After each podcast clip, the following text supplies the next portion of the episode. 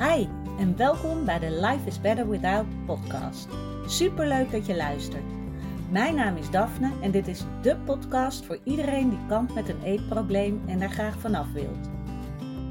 Als ervaringsdeskundige weet ik heel goed hoe het is om in jouw situatie te zitten, maar ik weet inmiddels ook hoeveel fijner het leven is zonder die eetstoornis. En dat gun ik jou ook. Daarom deel ik in deze podcast al mijn inzichten omtrent het herstellen van een eetprobleem. Ik laat je weten wat er bij mij wel werkte en wat niet. En ik sta open voor al je vragen. Als jij klaar bent voor een leven zonder eetstoornis, dan weet ik 100% zeker dat jij dat kan bereiken. Want als ik het kan, kan jij het ook. Hey, welkom weer bij een nieuwe podcastaflevering van Life is Better Without. Wat fijn dat je erbij bent, dat je luistert.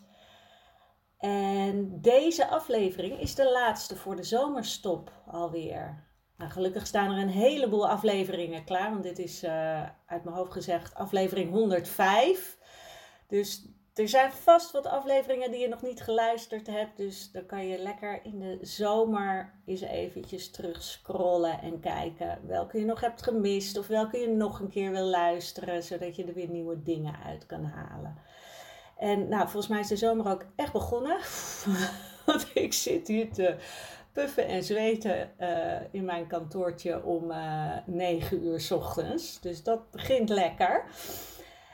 En waar ik het in deze laatste aflevering over wil hebben, is over geluk vinden. En dat klinkt groot, hè? En dat bedoel ik niet, ja, dat is maar welke, ja, welke definitie jij geeft aan geluk. Maar ik las een verhaaltje in het boek De Fontein van Els van Stijn. En Els van Stijn is expert in familiesystemen. Nou gaat dit verhaaltje daar niet per se over, maar het gaat wel over wat je moet doen om gelukkig te zijn. En ik vond het een heel treffend verhaal. Misschien heb je hem al wel eens gehoord, uh, of misschien heb je het boek wel. En nou, toch is het goed om nog even een keer te luisteren. En eens even op je in te laten werken wat dit voor jou betekent. Oké, ga achterover zitten en luister mee. Gelukkig zijn. Een jongen van 9 jaar vraagt aan zijn vader: Wat moet ik doen om gelukkig te zijn? Zijn vader zegt: Kom, pak je rugzak en de ezel, we gaan vier dagen op reis. Op dag 1 zit de zoon met zijn rugzak op de ezel. De vader loopt naast hem met zijn eigen rugzak op zijn rug. De mensen die hem voorbij zien komen zeggen tegen elkaar: Wat heeft die zoon een gebrek aan respect voor zijn vader? Zo klein is hij niet meer en hij gaat op de ezel zitten terwijl zijn vader de jongste niet meer is. Belachelijk. Op dag 2 zit de vader met de rugzak op de ezel en de zoon loopt er rustig naast. Wederom wordt over hen gesproken.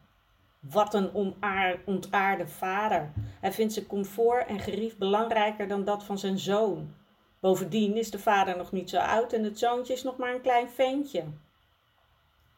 Op dag drie gaan zowel de vader als zoon met bepakking op de ezel zitten. Wat een egoïsten en dierenbeulen. Hoe kunnen ze dat nou doen? Dat zouden wij nooit doen. Op dag 4 lopen zowel de vader als zoon met hun bagage naast de ezel. En weer praten de mensen over hen. Die twee snappen de essentie van een ezel niet. Wat een stelletje idioten dat ze geen gebruik maken van de ezel. Bij thuiskomst vraagt de vader aan zijn zoon: Heb je een antwoord op je vraag gekregen? De zoon knikt.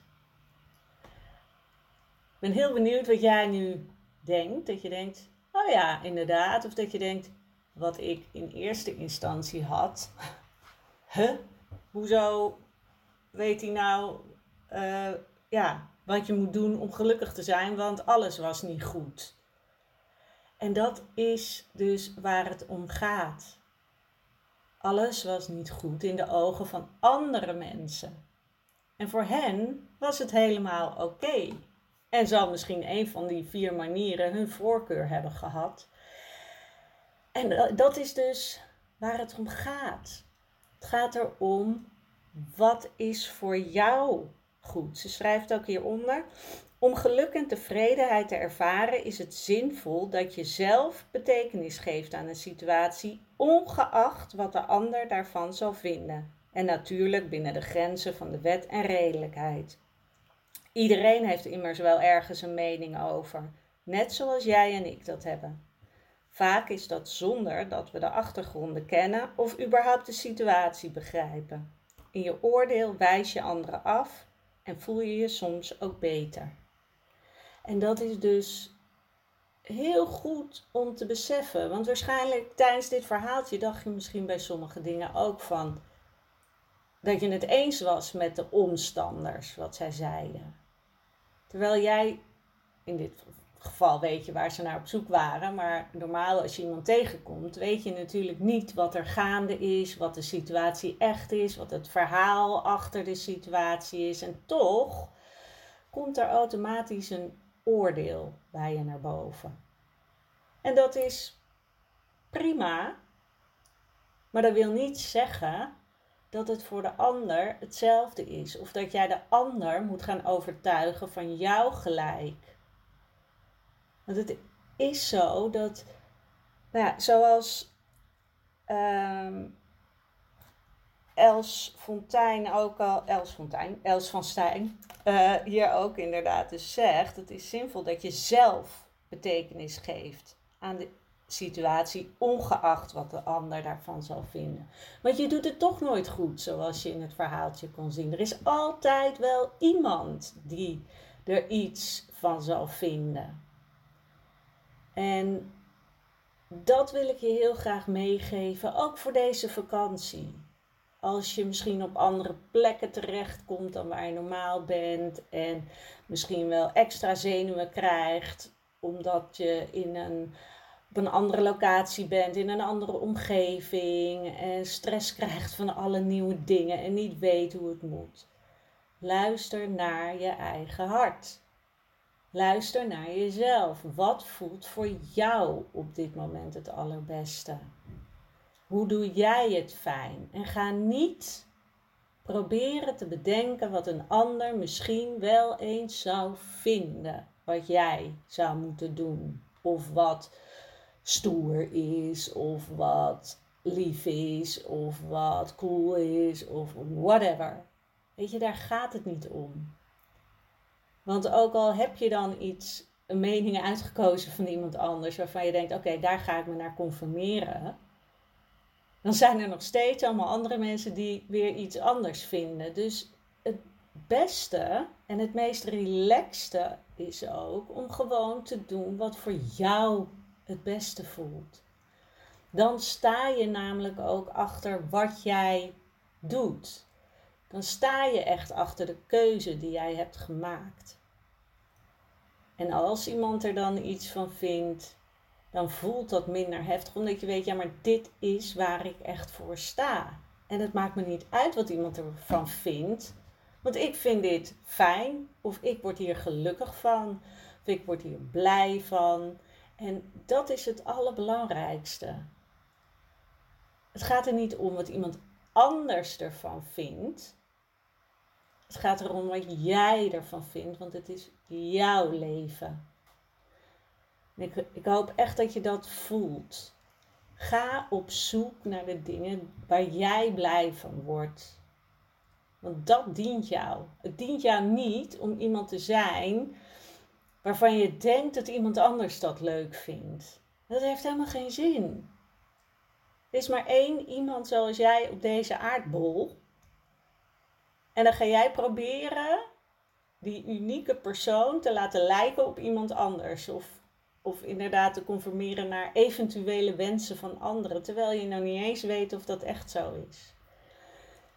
En wat ook heel erg kan helpen is kijken in hoeverre heb jij meningen klaar over andere mensen. En dan bedoel ik niet per se van oh, dat je uh, je mening zegt, maar wel inderdaad komen er snel bij jou meningen naar boven als je iemand ziet. Stel in, inderdaad, stel je even het verhaaltje voor wat ik heb voorgelezen en kwamen er dan ook meteen dingen bij jou naar boven. Van, nou, dat kan toch niet? Dat die, dat die zoon op die ezel zit en die vader moet met die bagage ernaast lopen. Of dat je inderdaad dacht van, zo, dierenbeulen met twee mensen op één uh, ezel, dat is echt zielig. Want misschien is het wel zo dat jij het ook heel snel doet. Heel snel je mening klaar hebben zonder rekening te houden met wat de situatie misschien wel zou kunnen zijn erachter. En als je daarop gaat letten en ook daarin voor jezelf die aanpassing maakt en mensen gaat accepteren zoals ze zijn en voor wat ze doen. Gewoon omdat zij zij zijn en jij bent jij, zal het ook makkelijker worden om voor jezelf jouw eigen keuze te gaan maken. Om voor jezelf te kiezen. Om te kiezen voor de dingen waar jij blij van wordt. Dus dat is, is er ook eentje Kijk eens hoe jouw meningen zijn naar anderen.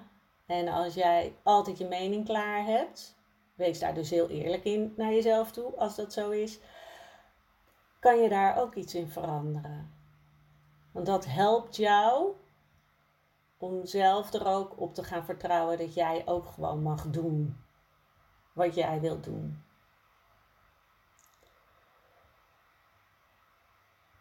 Ik ben heel benieuwd of dit bij je binnenkomt, wat je hiermee gaat doen. En ik wil je uiteraard een hele fijne vakantie wensen. Misschien moet je wel gewoon werken en denk je, ja, maar leuk hoor, die vakantie, maar ik ga helemaal niet op vakantie. Uh, ik wil je dan dus gewoon een hele fijne zomer wensen, laat ik het zo zeggen. En ik wil je heel erg bedanken dat je hebt geluisterd, weer het afgelopen seizoen doet me echt heel veel dat ik zoveel mooie reacties krijg van jullie. Dus uh, keep them coming. Ik ben er altijd heel blij mee. Dus als je zoiets hebt van ik wil iets laten horen of ik wil iets vragen of ik wil iets zeggen.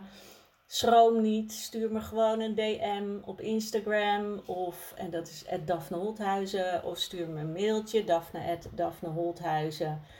En um, ja, ik vind het leuk om je te ontmoeten op die manier, zodat ik ook weet wie er luistert naar mijn podcast.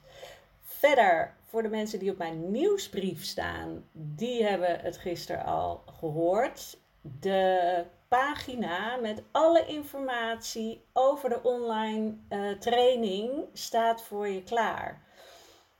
De naam kan nog wijzigen. Dus mocht jij een goede naam hebben voor deze training, nou, be my guest. Uh, stuur al je input door, zou ik zo zeggen. En als je denkt, nee, ik vind het juist een topnaam, laat het ook vooral weten.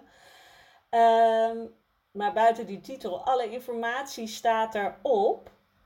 En je kan je dus inschrijven voor de wachtlijst.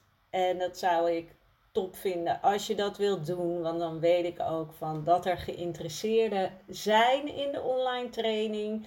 En hij gaat fantastisch worden. En het is voor een groot gedeelte natuurlijk een training die je helemaal zelf kan doen. Dus dat is ook fijn voor de mensen die misschien zoiets hebben van uh, echt één op één coaching vind ik nog een beetje eng. Of ik weet het allemaal niet zo goed. Dan is dit ook een mooie manier om toch aan de slag te gaan. Of inderdaad, je staat op een wachtlijst en je denkt, ik wil iets hebben voor in de tussentijd. Is dit ook een hele fijne. En uh, naast zeg maar de ja, eh, het gedeelte wat je zelf moet doen, krijg je ook de kans om iedere week één vraag naar mij te mailen waar je tegenaan loopt. En dat is natuurlijk super waardevol, want dan kan jij ja, mij gewoon vragen uh, waar je mee zit op dat moment. Zodat als je ergens vastloopt in de training, dat jij uh, iedere keer een vraag mag sturen. Dus dat, uh, dat hoort er ook nog bij. Je wordt dus niet helemaal gewoon losgelaten. Want ik wil ook echt dat, ja, als jij die training gaat doen, dat je een transformatie gaat doormaken. Dus op mijn website kan je daar alle informatie over vinden en dan kan je je inschrijven voor de wachtlijst. Oké, einde reclameblok. Nogmaals, heel erg bedankt voor het luisteren. Ik uh, ga jullie ook wel een beetje missen de komende zes weken. Maar daarom straks natuurlijk extra veel zin om weer te gaan starten. En voor nu, hele fijne zomer. Wees lief voor jezelf. En gun jezelf om heel veel te genieten. Dankjewel. Doei doeg!